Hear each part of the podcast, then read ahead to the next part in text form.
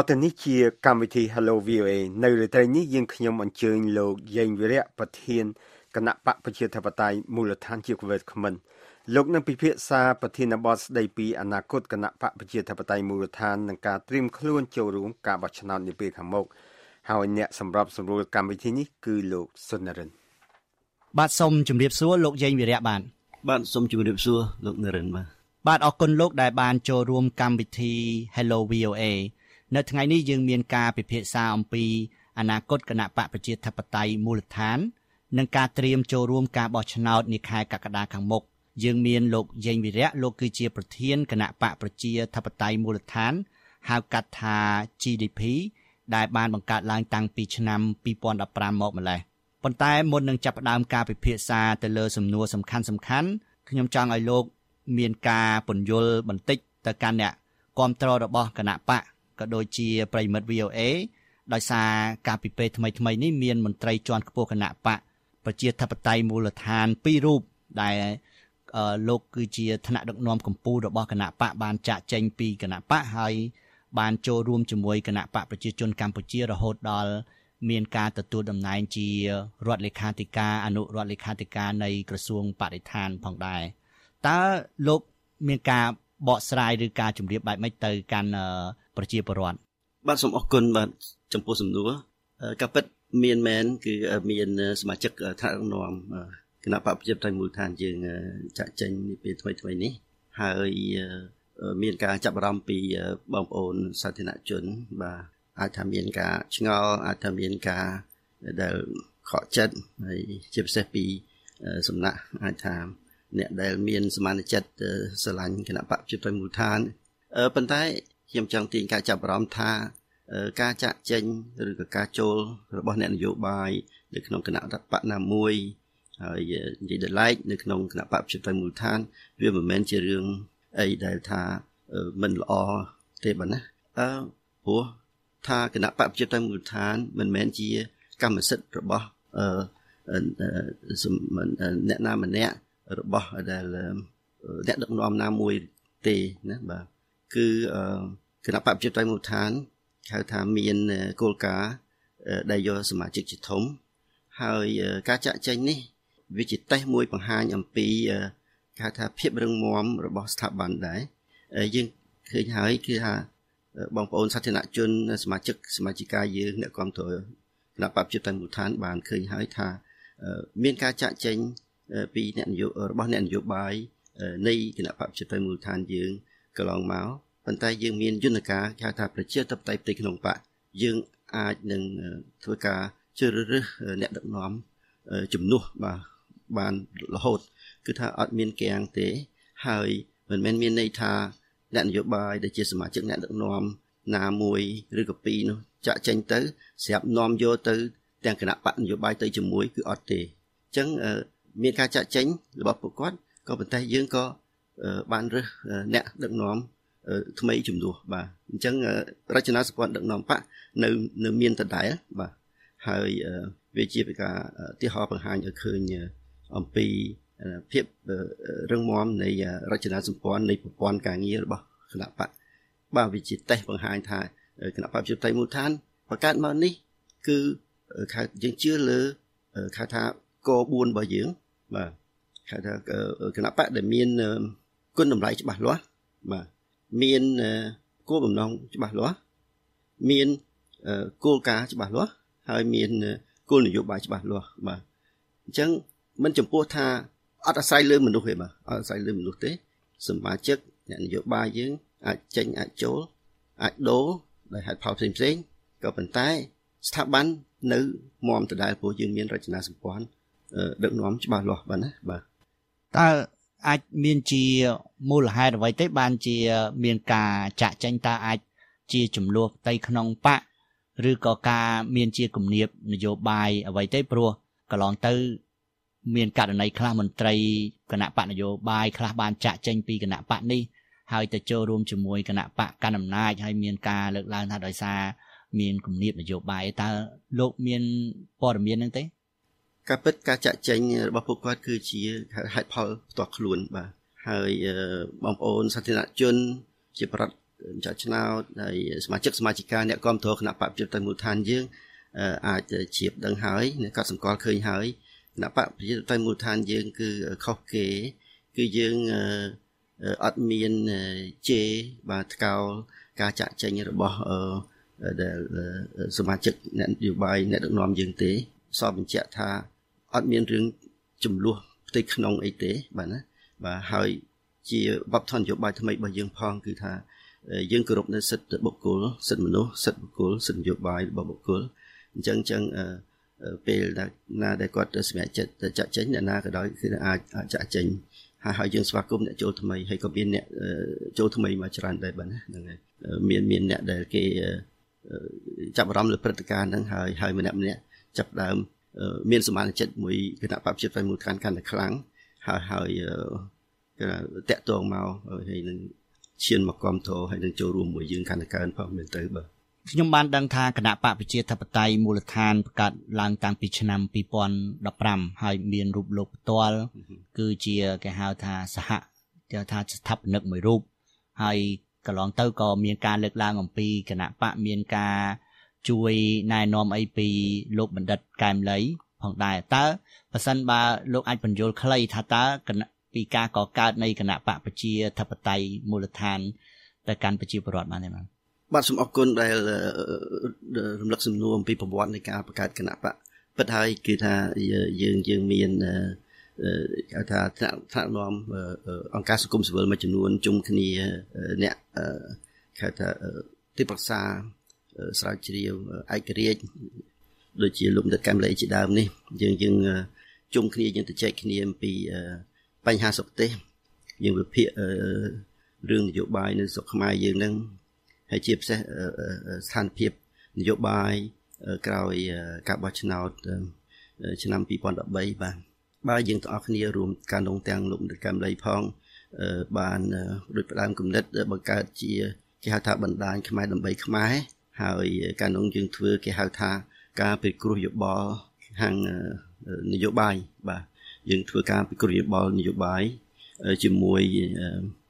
ប្រជាពលរដ្ឋនៅតាមសហគមន៍បាទហើយនឹងក្រុមចាប់អារម្មណ៍ផ្សេងផ្សេងគឺមានក្រុមខាងកសិករខាងក្រុមខាងយុវជនក្រុមខាងព្រះសង្ឃខាងសហជីពអីជាដើមនេះបាទដើម្បីពង្រឹងនៅការយល់ដឹងអំពីនយោបាយ ឲ្យចេះវិភាគនយោបាយបាទតួអង្គអ្នកនយោបាយនៅក្នុងប្រទេសខ្មែរយើងហ្នឹងក្រោយពីការពិគ្រោះយោបល់មួយរយៈមកពួកយើងហើយទាំងតំណាងសហគមន៍មួយចំនួនហ្នឹងបានធ្វើការសន្និដ្ឋានថាវាមានភាពចាំបាច់ក្នុងការបង្កើតនៅជំរើសថ្មី បាទគណៈបកនយោបាយថ្មីមួយ ដែលអនុវត្តនៅវប្បធម៌នយោបាយថ្មី ហើយមានការអនុវត្តនៅគេហៅថាគោលការណ៍ប្រជាធិបតេយ្យផ្ទៃក្នុងបកមានន័យថា ប្រជាធិបតេយ្យពីក្រោមទៅលើ យើងយកគោលការណ៍សមាជិកជាធំ សមាជិកជាអ្នករើសអ្នកដឹកនាំហើយថ្នាក់ដឹកនាំហ្នឹងគឺដើរតួជាអ្នកសម្របសម្រួលជាអ្នកបកលលក្ខណៈបង្កើនសមត្ថភាពដល់សមាជិកដល់អ្នកគ្រប់គ្រងដល់ប្រជាពលរដ្ឋទូទៅយើងមានការយល់ឃើញបែបហ្នឹងក៏សម្រេចចិត្តបង្កើតជាគណៈបកប្រជាធិបតេយ្យមូលដ្ឋានហើយរូបខ្ញុំត្រូវបាន ក្រុមការងារហ្នឹង រួមទាំងលោកលីផងដែរហ្នឹងលោកដិតកែមលីផងដែរហ្នឹងសូមឲ្យពិចារណាចេញមកមុនគេមកគាត់នៅកោអីសិនបាទបាទមានអស់លោកខ្លះគាត់អត់ទាន់អាចទាំងចេញមកមក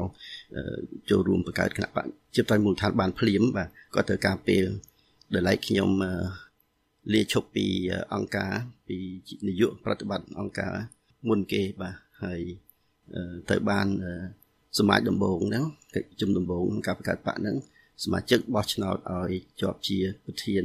គណៈបកប្រជាទៅមូលដ្ឋានតាំងពីឆ្នាំ2015 15មកឲ្យដឹកនាំរៀបចំចុះបញ្ជីគណៈបកបាទ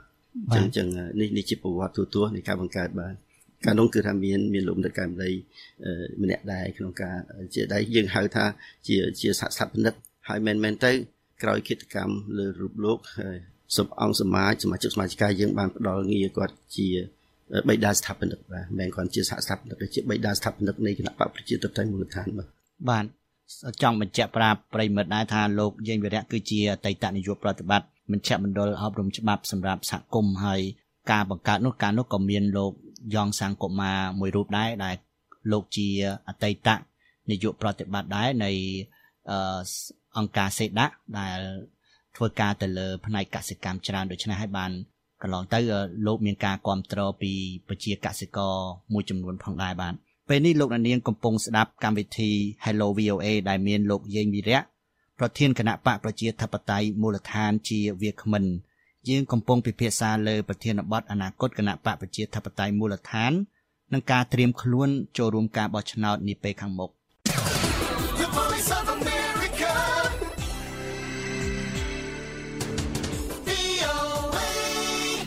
តើអ្វីទៅជាជំហានបន្ទាប់សម្រាប់គណៈបកប្រជាធិបតេយ្យមូលដ្ឋានហើយតើគណៈបកសម្រេចថានឹងចូលរួមការបោះឆ្នោតនាខែកក្កដាខាងមុខទេបាទសូមអរគុណគណៈបកប្រជាធិបតេយ្យមូលដ្ឋាន គឺជាគណៈបកមានអាសនៈក្រុមប្រឹក្សាឃុំសង្កាត់ពីអាណត្តិមកហើយទាំងអាណត្តិនេះអាណត្តិទី1យើងប្រកួត27ឃុំអាណត្តិថ្មីនេះឆ្នាំ2022នេះយើងយើងប្រកួត32ឃុំ យើងបានចំនួនអាសនៈកើនមួយឃុំបាទអញ្ចឹងទៅជាសរុបយើងមាន ក្រុមប្រឹក្សាយើងនៅក្នុង4ឃុំក្នុង4ខេត្តផ្សេងគ្នាបាទហើយយើងបានចូលរួមប្រកួតក្នុងការបោះឆ្នោតជាតិម្ដង បាទអញ្ចឹងអញ្ចឹងគណៈបកប្រជាជនមូលដ្ឋានជាគណៈបកដែលមិនថ្មីស្រឡាងទេបាទហើយមានបទពិសោធន៍ក្នុងការចូលរួមការបោះឆ្នោតយើងតែងតែព្យាយាមធ្វើការតស៊ូមតិទៅលើដំណើរការរៀបចំការបោះឆ្នោតទៅលើ យន្តការរៀបចំការបោះឆ្នោតយើងគិតថាការបោះឆ្នោតតាមលទ្ធិប្រជាធិបតេយ្យវាជារឿងល្អបាទហើយវាធានាដល់រដ្ឋធម្មនុញ្ញយើងអញ្ចឹងយើងតែងតែពិចារណាត្រៀមខ្លួន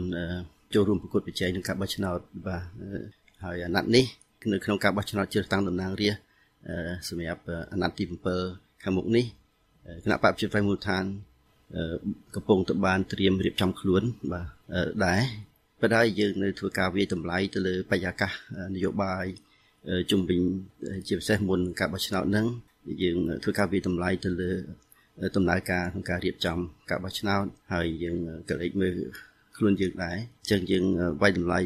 ត្រង់ប្រមាណចំណុចហ្នឹងហើយយើងធ្វើការសម្រេចចិត្តចូលរួម នៅក្នុងការបោះឆ្នោតបាទអញ្ចឹងមកដល់ម៉ោងនេះយើងនៅដំណាក់កាល ត្រៀមផងហើយនឹងយើងធ្វើការវាយតម្លៃផងបាទខ្ញុំមានសំណួរមួយទៀតកន្លងទៅនៅមុនការបោះឆ្នោតតែងតែ មានខាងគណៈបកជំទាស់តែងតែប្រមូលចងសម្ព័ន្ធជាមួយគ្នាឬក៏អាចចូលរួមផងដែរព្រោះគណៈបកជំទាស់យល់ថានៅមានកម្លាំងមិនទាន់អាចប្រកួតប្រជែងជាមួយគណៈបកកាន់អំណាចឲ្យស្រួចស្រាលនៅឡើយទេតើមកដល់ពេលនេះលោកឬក៏គណៈបកផ្សេងមានបានជួបជជែកគ្នា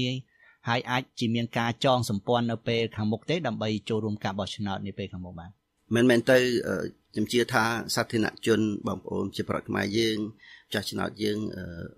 អាចថាបានធ្លាប់បានតាមដានធ្លាប់បានស្ដាប់ឮថាគណៈបព្វជិតទៅមូលដ្ឋានហើយជាពិសេសរូបខ្ញុំផ្ទាល់នឹងបានខិតខំប្រឹងប្រែងនិយាយទៅកាន់គណៈបកនយោបាយក្រៅរដ្ឋាភិបាលច្រើនបាទអំពីគំនិតសហការគ្នាជាសម្ព័ន្ធភាពហ្នឹង ហើយចែកខេតគ្នាប្រកួតបាទមានការទៅចែកអីខ្លះក៏ប៉ុន្តែភាគច្រើនដោយសារថាហេតុផលផ្សេងផ្សេងយើងឃើញថាมันមានលទ្ធផលជាវិជ្ជមានទេ មានន័យថាភាគច្រើនច្រើនថាមកចូលមួយខ្ញុំមកអីចឹងទៅណាដាក់បេក្ខជនមកជាមួយខ្ញុំមកអីភាគច្រើនអេរិយាប័តច្រើនថាលើកទឹកចិត្តឬក៏ តាក់ទាញសូមឲ្យយើងហ្នឹងគេទៅចូលជាមួយបកនេះបកនោះអញ្ចឹងគ្រប់គ្នាគេថាសុកឲ្យយើងទៅចូលជាមួយខាងខាងគាត់បាទប៉ុន្តែអ្វីដែលយើងបាននិយាយទៅហ្នឹងគឺថាទៅកាន់គណៈបកទាំងអស់ថាសូមឲ្យកុំប្រកួតគ្នាសូមឲ្យចែកមណ្ឌលគ្នាប្រកួតបាទកាលណាយើងប្រកួតប្រជែងគ្នាហ្នឹងវាប្រហែលថាធ្វើឲ្យការបំបែកស្លឹកសម្លេងបាទ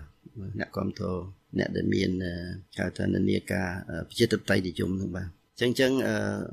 យើងចេះតែសង្ឃឹមហើយចេះតែពជាពេលរងចាំស្ដាប់ដំណឹងល្អប៉ុន្តែនៅការវិវត្តចុងក្រោយនេះហាក់ដូចជាមាននានាការយ៉ាងវិជ្ជមានដូចជាចង់ទូមកពិចារណាចំណុចសហការនឹងដែរបាទណាបាទព្រោះថាមកដល់ម៉ោងនេះមិនទាន់នេះមិនទាន់មានគណៈបកណាមួយដែលយល់ព្រមជាមានការព្រមប្រជៀនដល់ការព្រមព្រៀងគ្នាក្នុងការចែកខែកគ្នាប្រកួតដល់ហើយទេបាទខ្ញុំចង់ងាកពិភាក្សា អំពីស្ថានភាពនយោបាយវិញតើជារួមលោកជាគណៈបកជាតំណាងគណៈបកជំទាស់មួយតើលោកវិតម្លៃស្ថានភាពនយោបាយយ៉ាងដូចម្ដេចដែរនៅមុនការបោះឆ្នោតនេះជាងជាងសង្កេតឃើញមិនណាថាស្ថានភាពនយោបាយបរិយាកាសនយោបាយនៅមុនការបោះឆ្នោតអាណត្តិនេះមានសភាពយ៉ាប់ជាងស្ថានភាពនយោបាយមុនការបោះឆ្នោតអាណត្តិមុនមុនបាទ តកតងទៅនឹងសេរីភាពនយោបាយបាទមានការរដ្ឋបတ်បាទមានអ្នកដែលជាប់ទោសដោយសារថាសកម្មភាពនយោបាយសកម្មជនមន្ត្រីគណៈបកនយោបាយគណៈបកប្រឆាំងអីជាដើមនេះបាទអញ្ចឹងមានជាប់បណ្ដឹងហើយនឹងទៅបានកាត់ទោសហើយធ្ងន់ធ្ងរណាស់ហើយជាពិសេសប្រធានគណៈបកសុខជាតិលោកកឹមសុខាជាដើមនេះតែបាទរងការ ដាក់ទោសរហូតដល់27ឆ្នាំនេះបាទហើយនឹងដកជាស្ថាពរនៅសិទ្ធិនយោបាយសិទ្ធិបរដ្ឋសិទ្ធិនយោបាយជាច្រើនមួយចំនួនធំបាទសេរីភាពក្នុងការប្រមូលផ្ដុំសេរីភាពក្នុងការបញ្ចេញមតិក៏មានការរដ្ឋបិទខ្លាំងបាទយើងសង្កេតឃើញថាការប្រមូលផ្ដុំការបញ្ចេញមតិត្រូវបានរៀបរៀងគ្រប់ពេលទោះជាសកម្មភាពនឹងដោយសន្តិវិធីហើយត្រង់ទ្រាយតូចក៏ដោយបាទអ្វីដែលយើងសោកស្ដាយមែនទែនហ្នឹងគឺ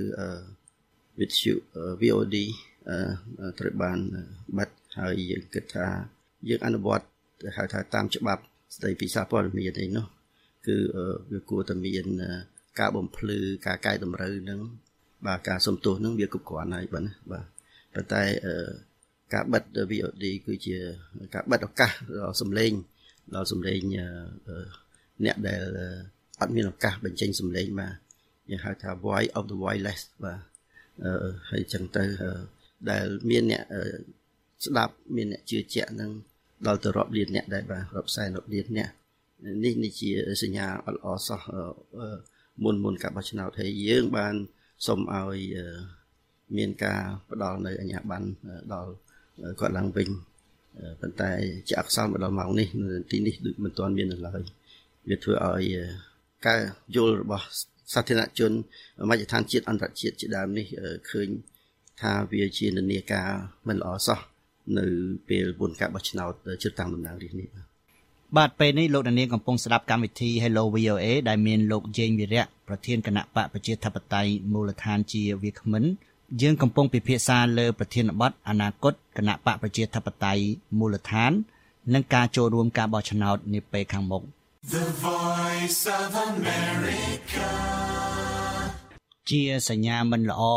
និន្នាការមិនល្អនៅមុនការបោះឆ្នោតអញ្ចឹងលោកយល់ថាការបោះឆ្នោតនាពេលខាងមុខអាចមានជាសំណួរច្រើនទេពីដូចថាមានការលើកឡើងពី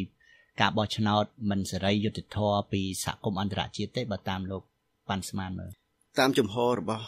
ខាងយើងខ្ញុំយើងខ្ញុំមិនដែលចាត់ទុកថាការបោះឆ្នោត ដងណាក៏ដោយដែលមានលក្ខណៈសេរីយុត្តិធម៌ដាច់ខាតទេទាំងស្រុងទេបាទពេញលេញទេ គឺវាមានការបោះឆ្នោតអាណត្តិនេះឬអាណត្តិមុនអាណត្តិមុនមួយទៀតអីចឹងទៅ វាអាក្រក់តិចអាក្រក់ខ្លាំងអីចឹងបាទវាគ្រាន់បើជាងគ្នាអីតិចតួចប៉ុន្តែឲ្យថារៀបចំការបោះឆ្នោតដែលមានលក្ខណៈសេរីយុត្តិធម៌ទាំងស្រុងពេញលេញដាច់ខាតនោះគឺ absolute free and fair នោះវាអត់មានទេបាទហ្នឹងហើយ ហើយខ្ញុំតែនិយាយពាក្យហ្នឹងគឺក្នុងពិភពលោកហើយកប់រៀបចំការបោះឆ្នោតបែបហ្នឹងអត់មានទេប៉ុន្តែសំណួរសួរថាតើស្ថានភាពឥឡូវហ្នឹងយ៉ាងម៉េចយើងគិតថាវាយ៉ាប់ជាងមុនបាទយ៉ាប់ជាងមុនឧទាហរណ៍ចាក់ស្ដែងពួកយើងបានតស៊ូមតិតាំងពីមុនការបោះឆ្នោតឃុំម៉េះហើយគណៈបព្វជិតតែមូលដ្ឋានរូបខ្ញុំផ្ទាល់នឹងបានសហការជាមួយគណៈបកក្រៅរដ្ឋាភិបាល3 4មានទាំងភ្លើងទៀនកម្ពុជានិយមកែតម្រង់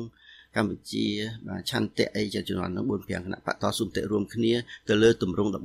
1102ហៅថាទម្រង់កំណត់ហេតុនៃការរាប់សន្លឹកឆ្នោតគឺធ្លាប់មានការចែកទម្រង់ហ្នឹងទៅដល់ភ្នាក់ងារគណៈបកនយោបាយដែលសង្កេតខ្លំមើលនៅក្នុងការិយាល័យបោះឆ្នោតរាប់សន្លឹកឆ្នោតនៅពីមុនប៉ុន្តែនៅពេលបោះឆ្នោតឃុំ2022នេះគាត់កែនីតិវិធីលែងមានការចែកហើយយើងថាសុំឲ្យចែកសុំឲ្យចែកគាត់នៅតែអត់ចែកបាទណាហ្នឹងហើយ ក្រោយមកទីទៀតក៏បន្តតស៊ូមតិរួមគ្នាហ្នឹងទៅលើបែបជានីតិវិធីជាពិសេសទៅលើអាទម្រង់1102ហ្នឹងដែរសូមឲ្យមានការចែកដែរសម្រាប់ការបោះឆ្នោតជាតិខាងមុខនេះគាត់នៅតែមិនទទួលយកសំណើយើងយើងគោះទ្វារទៅសភាអីដែរសូមឲ្យកែច្បាប់កែអីហ្នឹងបើណាហ្នឹងហើយអញ្ចឹងអញ្ចឹងយើងឃើញថាយើងមមិនសប្បាយចិត្តកន្លែងហ្នឹងបាទខកចិត្តកន្លែងហ្នឹងព្រោះអីអ្នករៀបចំការបោះឆ្នោតអត់ស្ដាប់ពួកយើងបាទ អ្នករៀបចំការបោះឆ្នោតដូចជាអ្នករៀបឆាកឲ្យជាអាញាកណ្ដាលជាអ្នករៀបឆាកឲ្យគូប្រកួតឡើងប្រកួតអញ្ចឹងហើយក៏ក៏តួអង្គដែលសំខាន់នៅក្នុងការបោះឆ្នោតហ្នឹងគឺគណៈបកនយោបាយបាទណាហើយបើគណៈបកនយោបាយដែលថាលើកសំណើលើការកង្វល់របស់យើងទៅឲ្យគាត់ឲ្យគាត់ធ្វើហើយហើយគាត់អត់ស្ដាប់អត់ធ្វើនេះជារឿងដែលយើងពិបាកមានន័យថាការប្រកួតនឹងវាវាវានឹងមានការពិបាកហើយបាទណាបាទវាពិបាកសម្រាប់ពួកយើងដែលជា ការអង់គ្លេស challengers អ្នកទៅប្រកួតទៅដើមខ្សែក្រវ៉ាត់ពីពីគណៈបកកណ្ដាលអំណាចហ្នឹងគឺគឺគឺពិបាកបាទបាទកន្លងទៅឃើញគណៈបកនយោបាយក៏មួយចំនួនក៏នៅលើកឡើងអំពីការស្ថាប័នកោជបដោយសារឋានៈដឹកនាំនៃទាំង9រូបនៃស្ថាប័នកោជបមានការលើកឡើងថាដោយថាត្រូវបានចាត់ចែងដោយគណៈបកកណ្ដាលអំណាចដូច្នេះនៅតែមានសំណួរថាតើ ស្ថាប័នមួយនេះនឹងរៀបចំការបោះឆ្នោតដែលមានការទុកចិត្តពីគណៈបកនយោបាយនិងប្រជាពលរដ្ឋបែបម៉េចដែរលោកយេងវិរៈខ្ញុំមានសំណួរមិនមែនជាសំណួរទេប៉ុន្តែជាការចុងក្រោយថាតើរូបលោកជាអ្នកនយោបាយមួយរូបតើលោកមានការអំពាវនាវឬក៏មានការយល់ឃើញបែបម៉េចជាទូទៅទៅលើស្ថានភាពរបស់គណៈបកខ្លួនឯងផ្ទាល់ក៏ដូចជាការបោះឆ្នោតនាពេលខាងមុខបាទបាទសូមអរគុណចំពោះការប្រកាសបាទ និយាយទៅខ្ញុំសូមឆ្លៀតឱកាសនេះជំរាបជាថ្មីដល់បងប្អូនសាធារណជនបាទម្ចាស់ឆ្នោតទាំងអស់សមាជិកសមាជិកាយើងគណៈបព្វជិតមូលដ្ឋានសូមជ្រាបថាគណៈបព្វជិតមូលដ្ឋានយើង មានគេថាគោលការណ៍ច្បាស់លាស់យើងបង្កើតមកនេះ គឺយើងបង្កើតមកជាគណៈបកមួយដែល បង្កើតជំរើសថ្មី បាទដល់សម្រាប់ប្រជាប្រដ្ឋខ្មែរយើង ដើម្បីជាសម្លេងរបស់ ប្រជាពលរដ្ឋដែលត្រូវការឲ្យមានការការពារនៅសិទ្ធិប្រយោជន៍របស់ពួកគាត់បាទ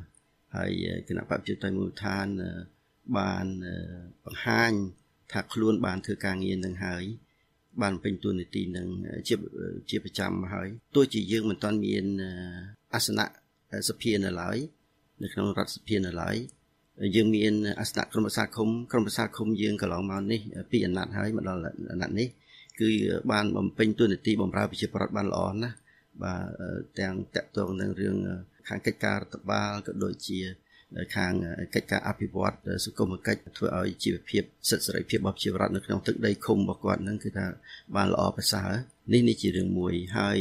ទោះជាគណៈបកប្រជាធិបតេយ្យមូលប្រជាធិបតេយ្យមូលដ្ឋានមិនទាន់មានអាសនៈនៅសភាមែនប៉ុន្តែយើងបានតស៊ូមតិ